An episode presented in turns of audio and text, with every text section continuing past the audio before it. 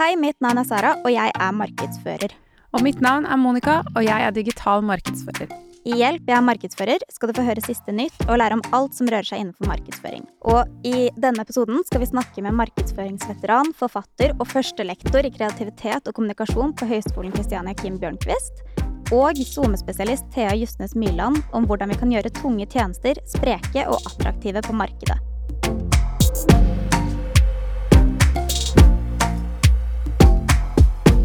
Velkommen. Takk. Tusen takk.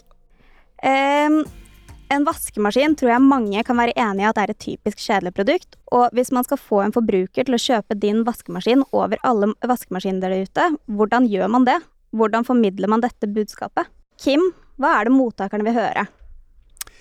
Ja, det må man finne ut, da. Altså, det er all god reklame, det bunner jo i forbrukerinnsikt. Å vite hva eh, sluttbrukeren egentlig er ute etter. Og noen ganger er det pris, andre ganger er det ytelse. Og det kommer jo an på hvor denne vaskemaskinen Jeg kunne ikke funnet et litt mer spennende produkt, da. Det var jo poenget, da. ok, jeg skjønner.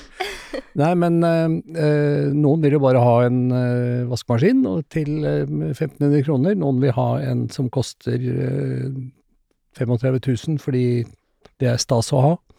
Noen er opptatt av ytelse.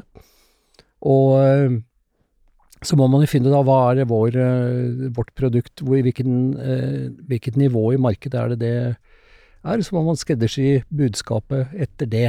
Mm. For du Thea, du er jo spesialist på sosiale medier og har jo jobbet med en del produkter og tjenester som er ganske tunge. Hva tenker du i forhold til det her?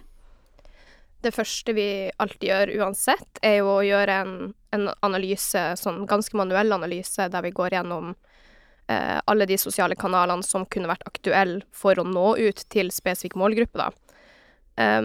Det er jo sånn som, eh, sånn som Kim er inne på, at man må jo klare å differensiere hvem er vår idealmålgruppe. Har vi en maskin til 35 000, så har vi jo en helt annen målgruppe enn de som kanskje er Electrolux, som er i det lavere prissjiktet. Så ja, vi gjør jo en manuell analyse først, der vi tar en liten runde på Og vaskemaskiner regner jeg jo med egentlig ikke er så, så veldig utbredt eh, produkt som markedsføres på sosiale medier, som egentlig kanskje er en positiv ting, eh, for markedet er på en måte ikke så eh, oversaturated. Eh, så du har på en måte et stort potensial kanskje til å gjøre det på en kul måte. Eh, men det første og fremst som er viktig på sosiale medier, er jo å ikke tenke eh, hva har jeg lyst til å si om mitt produkt, men først og fremst tenke hva vil min potensielle mottaker høre om produktet mitt, da. Mm, fordi det er jo noe vi har tatt opp en del. Eh, og det handler jo om at eh, selv om du kanskje vil si at denne vaskemaskinen sentrifugerer 7000 ganger i minuttet, ikke vet jeg, jeg har ikke peiling på sånn, men så vil kanskje kunden høre dette gjør at jeg får mindre strømregning i mm. postkassen. Um, og det gjelder jo veldig mange andre tjenester også, sånn tjenester som er tunge å formidle, tjenester som um, Hva skal man si uh, er vanskeligere å ta inn over seg, da, og kanskje også retter seg mot bedriftsmarkedet mer enn det de gjør med vanlige forbrukere. Um, men hvor vil og hvordan vil mottakeren høre om produktet? Har dere tenkt noe på det, sånn med vaskemaskin eksempel, da, hvor hvordan ønsker de fleste mottakere å høre om produktet da, i disse tilfellene? Jeg tror det at uh, hvis du skal ha ny vaskemaskin, det er gjerne fordi den gamle har uh, sagt takk for seg. Og uh, jeg tror ikke du vil vite noe om en spesifikk vaskemaskin. Jeg tror du vil vite hvor skal jeg gå for å få gode råd. Og det er jo sånn hvitevarer blir uh, markedsført. Det blir jo alltid markedsført gjennom kjedene. Kjedene får penger av, av uh, produsentene, og så markedsfører de sitt utvalg. Mm. Og jeg tror ikke det er bare du som ikke vet noe om vaskemaskiner. Jeg melder meg på der. Mm. Men det du sa var interessant, at plutselig så forandrer Og det er, det er, det jeg mener med forbrukerinnsikt, at plutselig så forandrer det seg. Plutselig har du en et produkt som kanskje er helt uh, vasker helt fenomenalt, men det bruker mye strøm. Og når da strømprisene er som de er, så vil jo det plutselig spille inn som et helt nytt, et helt nytt argument, ikke sant. Mm. Men jeg tror nok de fleste går til Elkjøp eller Power og sier hva har dere, hva kan jeg kjøpe av, hvilken pris ser du etter og sånn, og så er du, så er du der. Mm. Så hvis jeg hadde solgt vaskemaskiner, God forbid, så, så tror jeg at eh, jeg hadde brukt mye av eh, innsatsen min på eh, de som står i, i siste ledd, altså de som uh, det i butikkene. Mm. Jeg tror det er de som er gatekeepers i, eh, i dette her. Mm. Jeg tror jo at det som er litt interessant som sosiale medier kanskje har vært en liten pioner på, eh, er jo akkurat det vi snakker om at tidligere så har det kanskje vært de som er kjøpsklare, som har vært de som har vært interessert i vaskemaskinen, for du har på en måte ikke tenkt på den vaskemaskinen før du tenker sånn Shit, jeg får ikke vaska klærne mine. Eh, men det som sosiale medier har gjort og bidratt med, er jo faktisk å kunne skape den vedvarende top of mind-effekten, da. Så hvis du klarer å ta et så kjedelig produkt eh, som vaskemaskin, som likevel er et så hverdagslig produkt og et viktig produkt for oss, og gjøre det til noe som er litt mer spennende, da, eh, så tror jeg at hvis Electrolux hadde vært tidlig på banen der og, og faktisk klart å markedsføre det kult i sosiale medier, så hadde jeg kommet til å kjøpe det når jeg kom til Elkjøp, og ikke brydd meg så mye om hva AEG solgte inn, da. Eh, selvfølgelig så har jo strømpriser og alt det her veldig mye å si, men for meg som er en del av den generasjonen som blir veldig påvirka av det jeg møter på sosiale medier, eh, så tror jeg at jeg hadde satt veldig pris på å eh, få et så kjedelig produkt som kanskje kunne være kunnskapsdelende, eh, og hjelpe meg å lære meg hvordan jeg kan vaske energieffektivt, ikke bare fordi at maskinen er bra, men også fordi at det kan gi meg tips til hvordan jeg kan vaske klærne mine mer skånsomt, sånn at garderoben min varer lengre. Eller også bidra til å kanskje gi tips som ikke engang dreier seg om å bruke vaskemaskin, men sånn, sånn bruker du, minimerer du bruken av vaskemaskin, for eksempel. Eh, og da, da kommer vi inn på noe som er veldig kult, som sosiale medier har bidratt til, det der med at vi gir dere tips som går utover produktet så langt at det ikke engang Du skal til og med la være å bruke produktet. Eh, ja, så det er ganske interessant, i hvert fall. Mm. Men eh, det er nå engang sånn at det er ingenting som oppstår på sosiale medier. Sosiale medier bare forsterker noe som allerede er der. ikke sant? Det er derfor jeg vil harpe på dette med, med forbrukerinnsikt, for det forandrer seg. Eh, men alt det du sier er, jo helt riktig. Det er fint å holde den, eh, den, i gang. Men handler det da om vaskemaskin, eller handler det om Electrolux eller Miele? Ikke sant? Det, det er jo For jeg tror det at eh, når du kommer inn i butikken og sier at jeg skal se på en vaskemaskin Jeg har hørt at Miele er veldig bra. Og hvis han sier nei, den har vi hatt mye trøbbel med, da, kjø, da skal du ha sterke derver hvis du kjøper uh, Mile. Og så handler det veldig mye, tror jeg, i akkurat den bransjen, tror jeg handler om bevis. At du uh, har en, en uh, test fra et eller annet troverdig medium som sier at ja, den vant jo den testen av aller beste vaskemaskiner i det prisleiet, liksom. Da ja, ok, da. For det handler veldig mye om bekreftelse, tror jeg. Og øh, Men fingeren på pulsen til markedet, det er det som alltid gjelder. Eh, det syns jeg er veldig spennende med hvitevarebransjen, og egentlig elektronikkbransjen også. At jeg føler at alt har vunnet en Best i test eh, Altså alt har en kontroll eller Best i test-merknad, da. Men eh, jeg kom på nå at det er jo hvitevarer sånn som for eksempel Smeg, kom jeg på. Eh, de er jo veldig sånn jeg har liksom ikke hørt så mye om de som hvitevarer, men som merkevare. At det har blitt kjent for meg som en merkevare, ikke en hvitevare.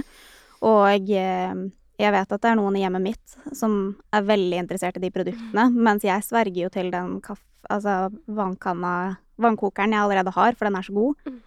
Men der har de gjort noe annerledes, da. Ja, jeg, jeg tror det, det, er veldig interessant det du er inne på, og egentlig som en forlengelse av det du òg eh, kommenterte, Kim, med det at er det da Electrolux, eller Nei, er det da vaskemaskin, eller er det Electrolux som merke?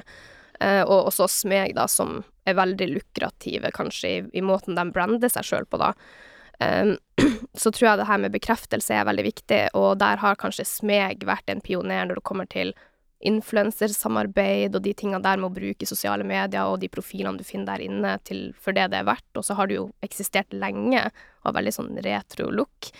Eh, og da er det jo det der med, med brandinga da som plutselig er så viktig. Eh, og, og, det er ikke for å dra alt inn i sosiale medier-verden hele tiden, fordi at det er en veldig viktig del av den analysen og innsikten som vi også gjør når vi skal merke, markedsføre merkevarer, er jo at vi også starter med forbrukerinnsikt. Eh, for det er jo det den analysen dreier seg om, da. At du ser hvordan er det vår målgruppe faktisk oppfører seg på sosiale medier, hvordan innhenter de informasjon.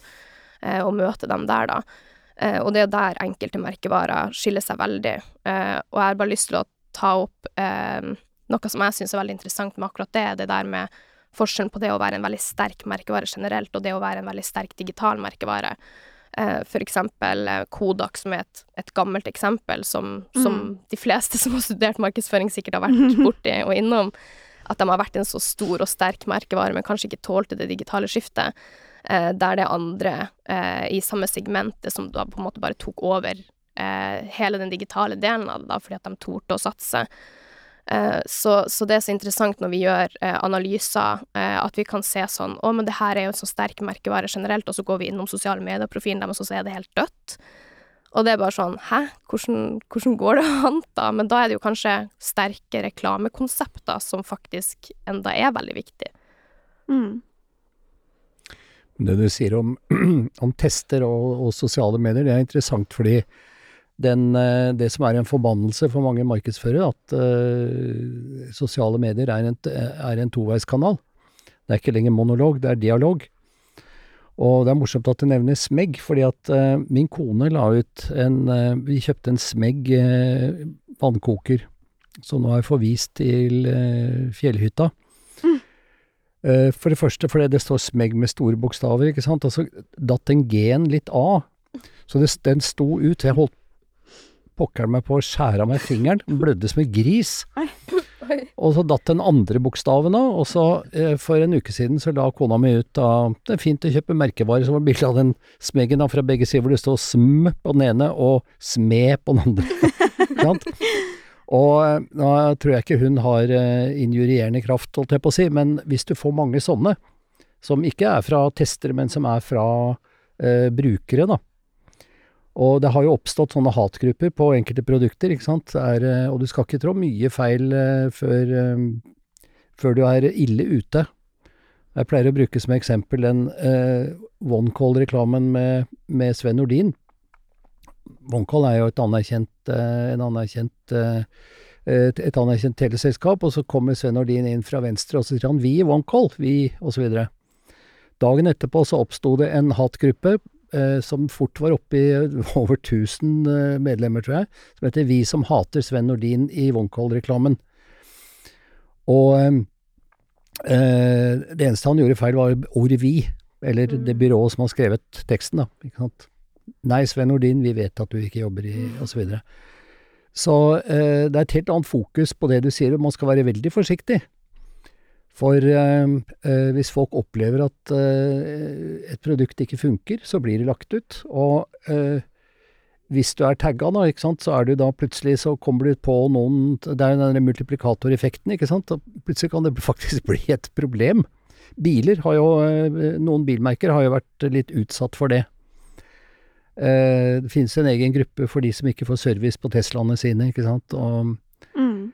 Så det er klart, sosiale medier har, har veldig stor makt, og det, det du nevner, at uh, du går inn på kjente merkevarer, ser på sidene deres, og det ser ut som ja, takras, eller rett så skjer det ingenting. Mm. Uh, og forbausende mange store uh, annonsører har jo fremdeles ikke skjønt det der, at du, det er ikke nok å si til Ragnar på regnskap at du, kan ikke du smelle sammen noe, noe på, på, Vi må ha noe på nettet, ikke sant. Det må man ta på alvor. Og sånn er det.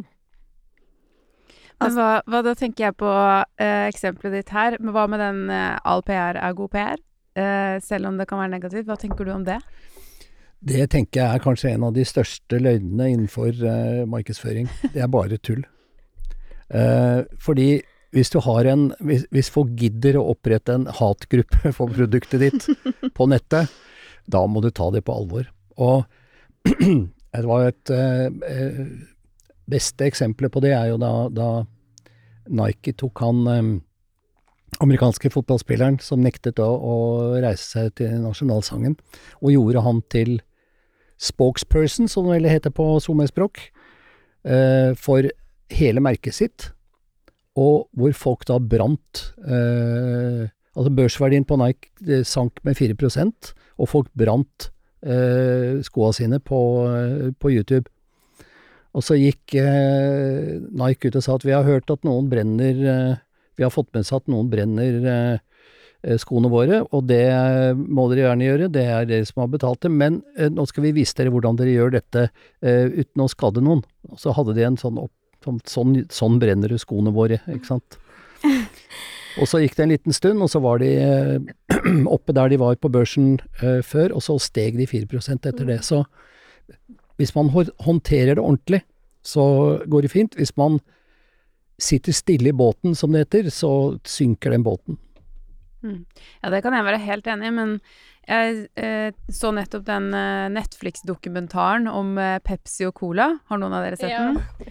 Eh, og det ble en liten sånn eh, wake-up call for min, eh, eller for meg. Fordi jeg har jo vokst opp på 90-tallet med Cola og Pepsi som kriget. Og jeg har ikke fått med meg den skandalen som skjedde i Asia, og dette med dette, den Harriet Jetten som eh, aldri ble levert. Eh, så eh, Pepsi har jo vært ute og gjort ting som absolutt eh, ikke er greit. Men allikevel så gjør de jo det jo sinnssykt bra i dag, så det er akkurat som folk glemmer. Eh, jeg vet ikke. Jeg tror det skal mye til for at du boikotter en vare som du er opp si, oppvokst med. Og det har også noe med, med distribusjonsleddet å gjøre, ikke sant. De er overalt. Men eh, det, altså du får oppmerksomhet, men eh, hvis den oppmerksomheten er negativ, så forsterkes den, tror jeg, gjennom sosiale medier. Fordi de som ikke liker deg, de, eh, de hiver seg på, og det, det lever mye lenger enn en det ville gjort eh, tidligere. Det er jo en sånn pågående Du kan sikkert hjelpe meg med det her, Thea, men det er jo en pågående sånn en klesgigant nå. Eh, de som hadde de eh, bamsene i lær. Balenciaga. Balenciaga, ja. Ja, der leste jeg vel på VG eller noe for en ukes tid siden at butikken nå er lagt ned i eh, Oslo. Og at det kanskje var grunnet noe av det, da, med den eh, cancel culturen for det. Eh, og det er jo litt spennende å se da om hvor lenge det varer, eller om de kommer opp igjen til det de var.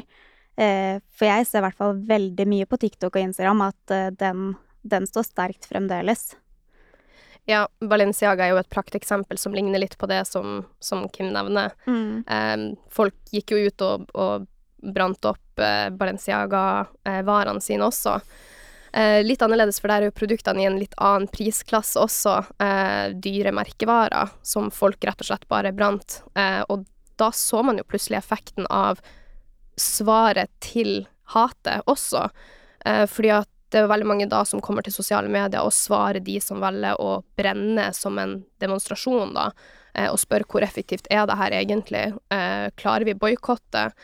Eh, så jeg tror nok kanskje ikke at det var de som brant merkevarene som var de som i så fall hadde størst gjennomslagskraft på å bidra til å stenge ned butikker. Men det er jo heller de som da bruker den muligheten til å si OK, det her er det dere velger å gjøre, det her er det som faktisk reelt skjer i saken, og kommer med informasjon.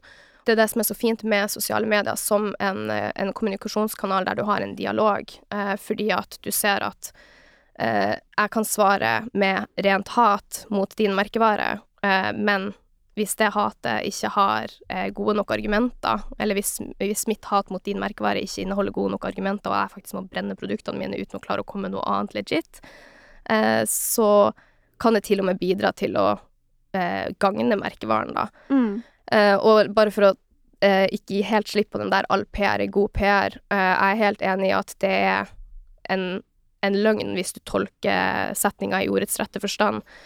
Men sånn som Kim også sa, selvfølgelig, så er det jo eh, handler det jo veldig mye om hvordan du velger å håndtere det. Eh, og måten Pepsi har håndtert sitt hat på, eh, er én ting, men måten vi ser at det blir håndtert på i dag på sosiale medier, er jo faktisk Hvis vi f.eks. har en kunde som får som får negative tilbakemeldinger, da, som er en, del av å, å være en bedrift. Du får negative tilbakemeldinger, og det er veld, veldig mye mer offentlig når du er, er på sosiale medier. Eh, en del av de strategiene vi eh, følger da eh, for våre kunder, er jo dere må svare. Dere er nødt til å svare, og dere må være raske å svare, og dere må tørre det. Kommer det hat som er uberettiget, så kan du bare si 'det var synd at du følte det sånn'. Mens kommer det faktiske, konkrete tilbakemeldinger, så er det her en gyllen mulighet at du faktisk viser at du tar ansvar, da. Vi har helt andre forventninger til merkevarer, og det er jo det som kanskje gjør at de største aktørene som Pepsi, Cola, eh, Nike, Eh, at de kanskje ikke eh, er så lett eh, altså, De er på en måte ikke like viktig del av hverdagen til den nye generasjonen, på samme måte som veldig mange merkevarer har muligheten til å bli nå, når de er mye mer tilgjengelige, da. Tilgjengeligheten måles ikke lenger i hvorvidt du har den tilgjengelig i butikkhylla, men det måles liksom i, i form av hvor tilgjengelig du er for å svare på de tilbakemeldingene du får, da. Ja, så tror jeg at eh, det er det, det du tar opp er veldig interessant, for det har jo oppstått da en, eh, en helt egen uh, gren innenfor sosiale medier som er hvordan ber du om unnskyldning? Og den klassiske politikermåten å gjøre det på, da, det er eh, altså kall det Trond Giske-metoden, da. Jeg beklager at du opplever det sånn. Da har du ikke sagt unnskyld. og han og mange burde kanskje gjort det, og det er Um, da, bare, da, bare, holder du liv i saken, ikke sant. Hvis du legger deg flat og sier at uh, 'beklager, det skulle jeg aldri gjort', uh, jeg er superlei meg, det kan vi jo kalle Atle Antonsen-metoden, uh, da, da, dør det veldig fort, ikke sant. Men du må svare, det er jeg helt enig i. Og jeg er jo mest opptatt av innhold, jeg da. Så jeg tenkte i mitt stille sinn da Arbeiderpartiet og, eh, og Senterpartiet vant eh, stortingsvalget sist, med ganske klar margin, på slagordet eh, 'vanlige folks tur', som de har da kopiert fra danske sosialdemokratene. Men danskene gjorde det, de sa 'nå er det Bjarnes tur'. Jeg tror Bjarne var liksom da en av de vanlige folka. Men så Jeg tenkte da bare at oi, det håper jeg dere kan levere. Og det har de ikke gjort. Så eh, du må levere. Og hvis ikke du leverer, så må du forklare hvorfor du ikke har levert, og så må du eh, ta det på alvor. Eh, der er det mange som driter seg ut, som det heter på godt norsk. Mm. Jeg føler jo at um, det er altfor få uh, bedrifter som ser muligheten i negativ feedback, uh, og hvor stort mulighetsrommet faktisk er. Eh, det kan være seg rene bedrifter eller organisasjoner, for den saks skyld. Uh, der er jo kanskje organisasjonene de som har vært senest på ballen til å komme seg på sosiale medier og faktisk være tilgjengelig på sosiale medier, og ikke bare være der fordi at de har skjønt at ok, der er mange folk, og velgerne våre er der. Um, og det er ganske interessant å se på, på politikk som, som, et eksempel, uh, fordi at det er jo ingen hemmelighet at det kommer jo en ny velgergruppe hele tiden.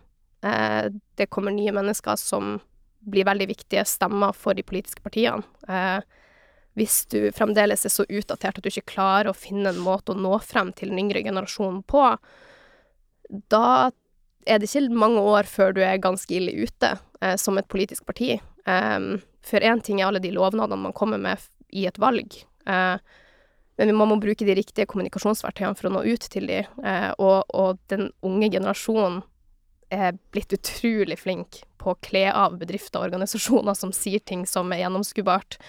Eh, de er blitt utrolig flinke på å skjønne at OK, det du sier nå, det er det er bare noe du sier. Vi bryr oss ikke. Det er ingen stoppeffekt i verken det du kommuniserer eller i det du viser av innhold, ja. Så innhold er jo på en måte essensen av det hele.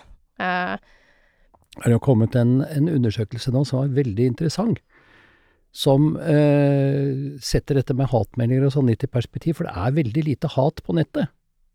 Det er altså 0,15% eller noe sånt nå, av alle meldinger som blir lagt ut, er, kan klassifiseres som netthat. Og, eh, eh, men mediene overdriver jo dette, da, det er jo det de lever av. Eh, så hva som er reelt hat, og hva som bare er noe som noen slenger eh, fra seg, det må man jo også differensiere, ikke sant. Og man må overvåke man må overvåke eh, nettet og hva som skjer. Man må ha folk som sitter og følger med. Og det er nok derfor disse organisasjonene ikke hiver seg på, for det er dyrt. Altså, det koster penger. Jeg vet at uh, en, en, av mine studenter ble hyra nå opp i en, sånn intern, et internship i et stort reklamebyrå som TikTok-overvåker. Hennes jobb er å, å, ja, å, overvåke hva som skjer, og rapportere det tilbake til, eh, til byrået, så de kan rapportere til kundene sine. ikke sant? Så det er um, Det er litt sånn minefelt ute og går. det der er òg veldig interessant. Um, vi kan gå videre fra, fra hatet snart, Sara, uh, men, men, bare for å kommentere det uh, med en siste ting, så uh, Sånn å summere det vi har snakka om nå, viser jo egentlig litt sånn viktigheten av å ha ulike strategier for ulike aktør. er du en, en ren merkevare, så, så og ekom, eller er du i fysiske butikker, er du produkter, er du tjenester, Eh, det er jo kanskje det mest eh, åpenbare skillet. Eh, men også er du én person, og, og, det å brande seg sjøl og Veldig ofte er jo det et, et sånt kjent kontrovers når du er f.eks. en influenser der du er ditt eget brand. Eh, og i enkelte saker kan du gjemme deg bak at eh, 'men jeg er bare bedrift', mens i andre saker så er det veldig personlig igjen. Eh, og da er det en helt ulik strategi, og der vil jo kanskje det er kanskje der man ser sterkest det her med hatet, at da er jo hatet plutselig mot person og ikke merkevare. Eh, kontra når Pepsi får hat, så er det hvem er egentlig Pepsi? Altså, det er jo hvor mange ansatte er du? Eh, så, så, der ser man liksom de ulike eh, Hvor viktig det er for, med ulike strategier, da. Men vaskemaskin eller forsikring eller hva enn man snakker om som er ikke den typiske lette tingen å selge bort, da. Eh, begge to er noe man må ha, burde ha. Eh, kanskje ikke må, men burde. Eh, vil ha. Hvordan treffer man målgruppen? Altså hvordan Eller hvordan måler man at man har gjort det bra? Er det basert på målgruppen, eller er det basert på hva bedriften vil si, eller hva er det, er det, tallene sier, eller altså hvordan vet man hva som funker bra og ikke? Hvordan vet man om man treffer? Det Altså, hvor er det det ligger, da? Tror jeg kommer an på hvem du spør. Hvis du spør eh, annonsøren, da, så er det salget som teller. Fordi profileffekt er fryktelig vanskelig å måle. Eh, spør du eh, byrået som har laget kommunikasjonen, så er det da vant til Gullbråten, da, eller en sånn setning som alltid Som har eksistert helt siden jeg begynte i reklamebransjen, og det begynner å bli noen år siden, det er hva skal kunden si etter å ha sett denne reklamen? Oi, det var en fin vaskemaskin til en grei pris, den tror jeg jeg skal ha. Ok, da lager vi kommunikasjonen som eh, skal forsøke å oppnå det målet. Men eh, eh, det å ha uklare kommunikasjonsmål, det tror jeg også er en stor grunn til at uh, mye reklame ikke virker. Og så tror jeg uh, en, en, annen sånn curse som eh, sosiale medier har påført oss, det er det derre TMI-syndromet, ikke sant, too much information. Det er grenser for hvor mye jeg vil vite om vaskemaskiner. gjør den jobben? Har jeg råd til den? er den pålitelig? Ja, det holder for meg. Eh, og så når jeg kjøper den, så vil jeg veldig gjerne vite hvordan jeg skal bruke den. Det er, eh, det, det er jeg også enig i. Men eh, det er nå. Da har du, da har, har du jo kjøpt den, da.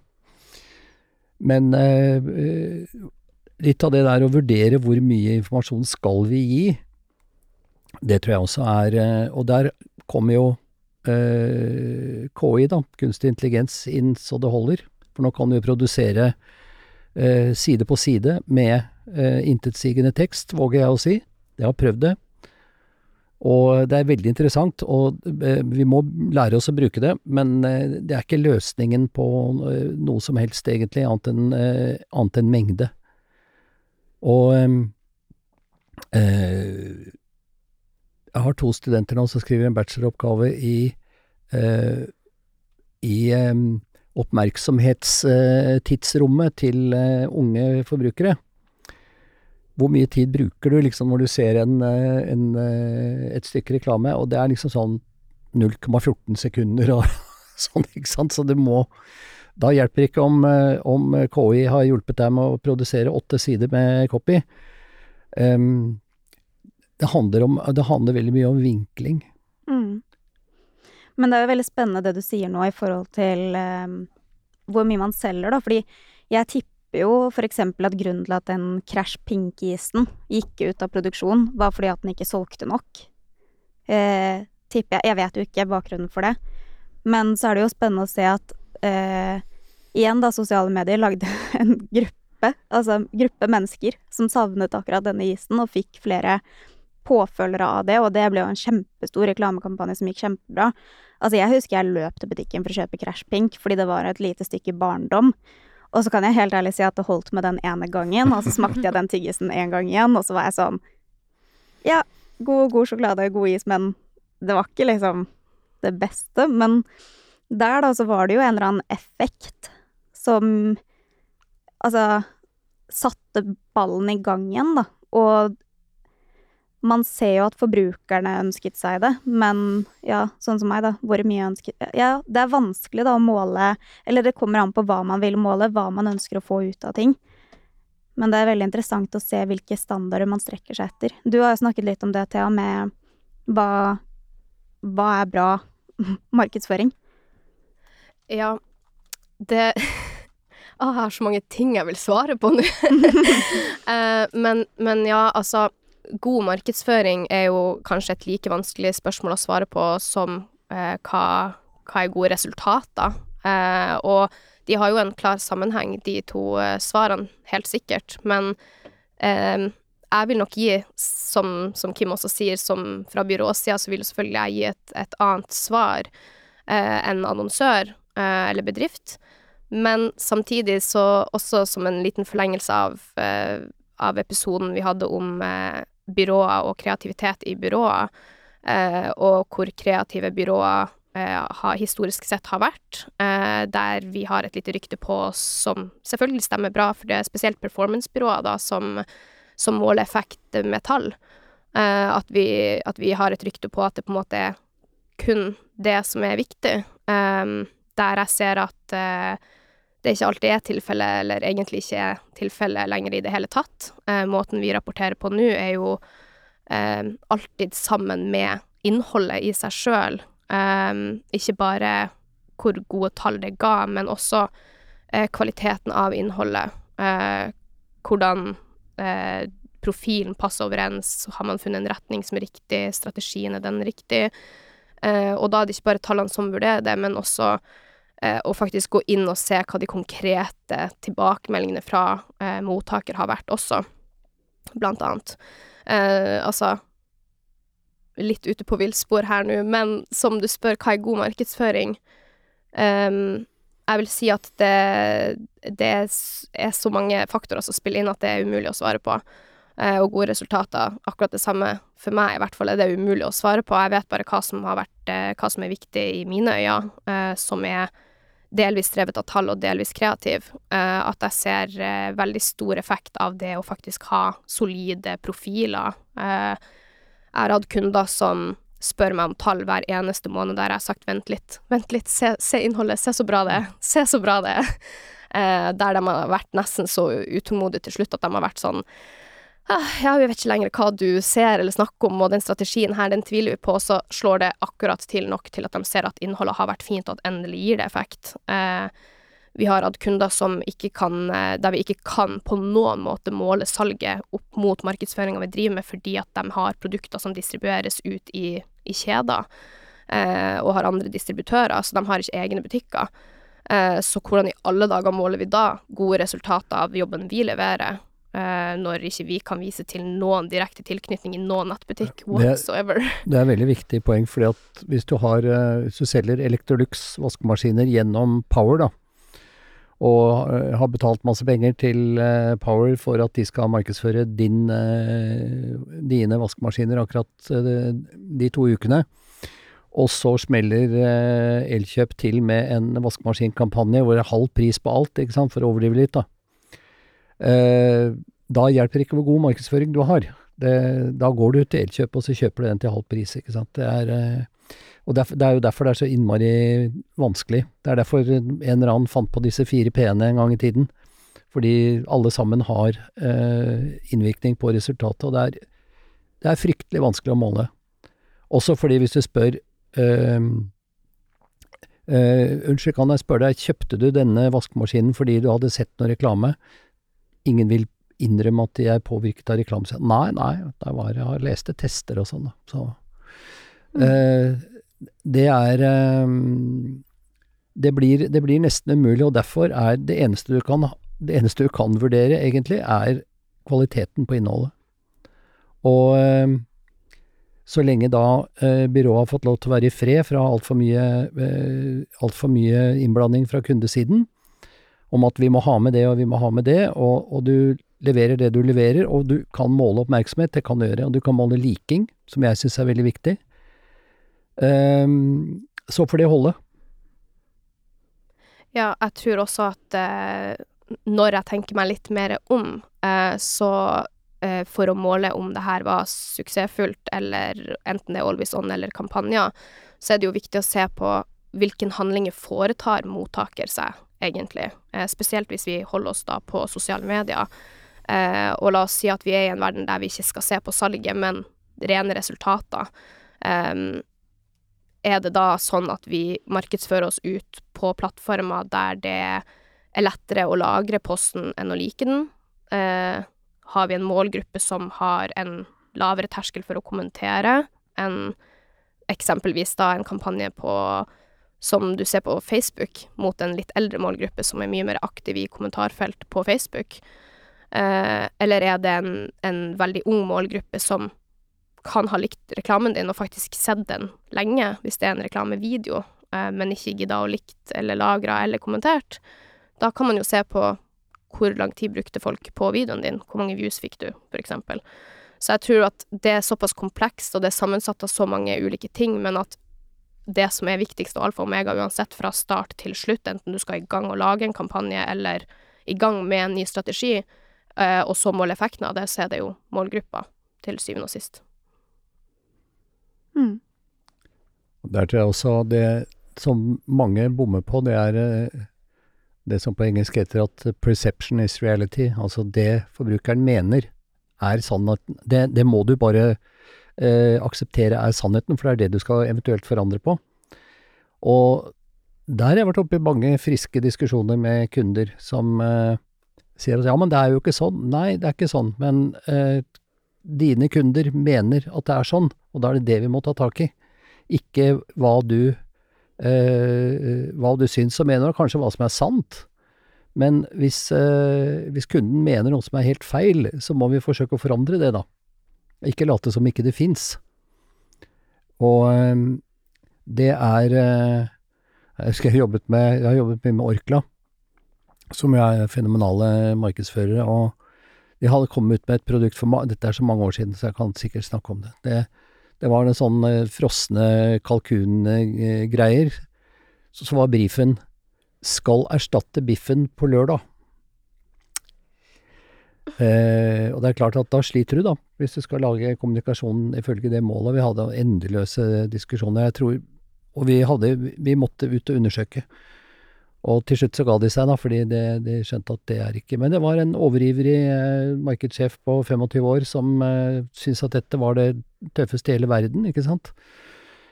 Det smakte dritt, da. Det er jo eh, Så eh, Men det, det skjønte de etter hvert. Jeg tror, jeg tror faktisk produktet aldri ble lansert.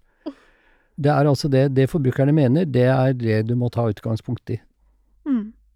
Det høres veldig banalt ut, men det er eh, det, det, Dere vet det, hvor vanskelig det er. Det er sannheten. Vi Jeg må bare ta det inn, fordi vi har jo vært borti noen av de her, Monica. Eh, til informasjon for de som hører på, så, så har jeg og Monica eh, jobba veldig mye med strategier sammen.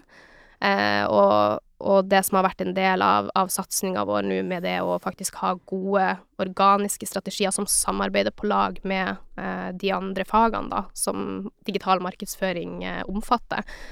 Eh, og veldig ofte så, så, har man på en måte sett at eh, du får en brief fra, altså fra byråsida, da. Eh, så kommer en av, av, våre kunder til oss med en brief fra de. det her er våre mål. Uh, og så kan vi være uenige, men vi kan prøve. Så kan vi begynne å jobbe det ut.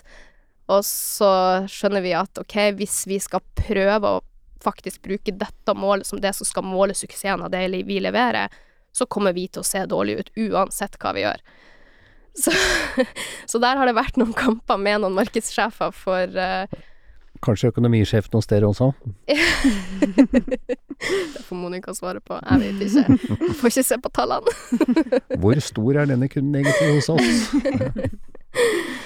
Nei, men det er i hvert fall eh, Og det er jo ikke for å kaste noen markedssjefer under bussen på noen måte. Altså, man ser det jo sjøl òg, bare jeg skal snakke om det vi har gjort i Semway, så, så har jo jeg veldig mange ting jeg har lyst til å fortelle dere, eh, og, og blir kanskje ofte veldig sånn tonedøv for eh, det jeg har lyst til å fortelle dere om det jeg har fått til, eh, eller det Semway har fått til, da, er, er viktigere for meg enn hva dere egentlig har lyst til å høre. Uh, og, og, det er jo kanskje det som på en måte går litt igjen eh, hvis du er en Du må ta målgruppa på alvor, vet du. Ja, det var akkurat det. hvis, du, hvis, du, er en markedssjef inhouse da, eh, for et brand, så, eh, så kan du være himla god i markedsføring, men hvis du ikke eh, husker på å, å, å stikke fingeren i jorda, eh, for å si det på godt norsk, så, så, kan du fort glemme det, da.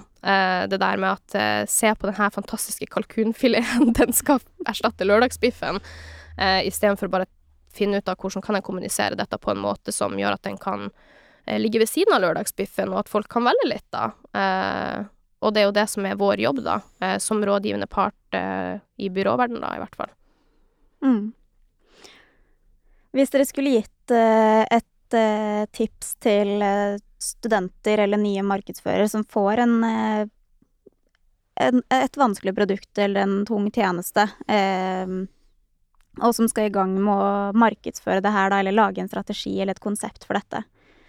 Kunne du trukket ut tre ting som er sånn Fokuser på dette, eller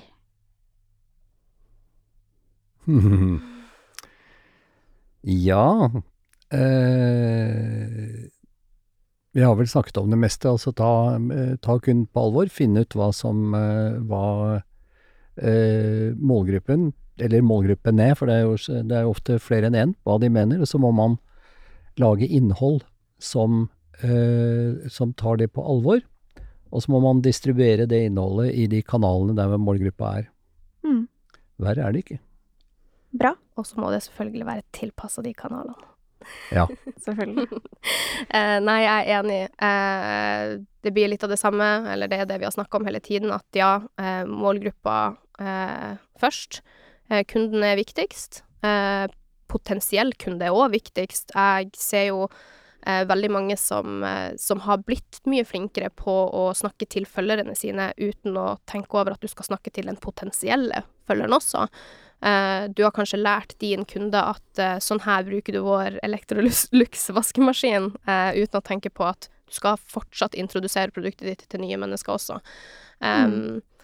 Så, så, det viktigste tipset er jo selvfølgelig, ja, eh, finne ut eh, hvem, hva, hvor. Eh, altså hvem snakker du til, hva skal du si, eh, hvor skal du si det, hvordan. Eh, men, eh, men likså godt i dag kjempeviktig å fokusere på hvilken formater du også bruker mm. i de ulike kanalene. jeg så Instagram har jo vært en liten pain for oss som jobber i byrå, spesielt oss som jobber med sosiale medier, så har Instagram de siste to-tre årene, algoritmen der har vært nesten helt umulig å jobbe med, uh, til den grad at vi har tenkt OK, vi må på en måte sette innholdet først og fremst, fortelle kunden vår at det uansett er viktig å ikke gi opp, fordi at det er en så solid plattform at de kommer til å bounce back. Det har vært det vi har trodd på, men vi har òg hatt stunder der vi har vært på tur og ikke tro på oss sjøl. Um, der vi ser nå at ting har begynt å snu uh, på Instagram. Eh, de hadde en periode der de har prøvd å etterligne alle de andre sosiale mediene, men det er jo en evig runddans, det gjør de jo. TikTok har jo vært det latest og det biggest, men selv Google har sett at det ikke er vits å prøve å konkurrere mot, her må vi bare spille med. Eh, der Instagram har sett at kanskje vi skal tørre å gå litt tilbake til hva Instagram egentlig er, og til originalformatene, da. Um, og jeg så på en spennende video av en, en Instagram-strateg som jeg bruker å følge mye med på, uh, som la ut at uh, vi snakker i det vide og det brede om Instagram-strategier eller, eller, strategier til sosiale medier for øvrig, både betalt og organisk, og hvordan du skal løse algoritmene. vi gir tips om nå er det reels som er viktig, nå er det karuseller er tilbake. Det har vi jo hørt veldig mye av de siste karuseller på Instagram er det som er tilbake. Men vi glemmer jo av å tenke hva er det vi skal formidle, eh, og hvordan måte vil mottakeren konsumere den informasjonen. Eh, hvis det du skal si er så omfattende at det hadde passa bedre å ha en voiceover på en reel og vise det visuelt for at det skal gi mest mulig mening for mottaker, eh, så ikke prøv å stappe det inn i en karusell med masse tekst, eh, som ikke gir noen form for stoppeffekt. Eh, fordi at det er så mye tekst her at du er nødt til å ha det på en lilla bakgrunn og noe hvit tekst. Eh, og så var det du prøvde å si egentlig ganske viktig og ganske kult, da. Eh, hvis du skal fortelle meg hvordan jeg kan spare blazerne i klesskapet mitt fordi at du har en måte å vaske på som eh, gjør at jeg ikke ødelegger klærne mine, vis meg det, da, med, med noe visuelt. Selv om karuseller er det latest å fokusere på, så vil jeg heller se det i en video med en voiceover. Eh, så det jeg prøver å si da, er jo at poenget er at eh, vi tenker strategier, og vi tenker eh, det her er det siste nye å fokusere på for å hacke algoritmen til sosiale medier, men du må tenke på det du skal formidle, og på hvilket format passer det best å formidle det på, da. For at det Mm. skal være lettest mulig for mottakeren å konsumere det. Jeg blir av og til litt sjokkert eh, eh, når jeg leser hva noen tunge aktører sier. Det var en sånn runde i kampanjen for et par uker siden hvor de spurte en del markedsførere da hvordan kommer 2023 til å se ut. Og det var en markedssjef i en eh, stor kjede som sa at nei, vi kommer nok til å, å gjenbruke en del eh, av eh, de gamle reklamefilmene våre, og, og satse mindre på, på nye. Eh, så da tenker jeg at ok, da det er altså eh, Det er ikke så farlig hva du sier, men bare du sier det mange nok ganger. Eh, og eh, igjen tilbake til eh, gamle dager, da. Da pleide, pleide vi å si, jeg jobbet til reklamebransjen, at eh, det, er det, det er bedre å bli sett én gang enn å bli oversett 20 ganger. Og um, det er altså en strategi som etter min mening er så feil som det kan få blitt. Og uh, algoritmer løser bare et lite, en liten del av problemet. Det er fremdeles hvordan du snakker til folk og hva du sier som er det viktigste. Utrolig spennende å høre dere snakke, uh, og ha dere her. Uh, veldig gøy å se deg igjen også, Kim. I like måte. Tusen takk for at dere ville komme. Setter veldig pris på at dere kom. Tusen takk for at jeg fikk komme.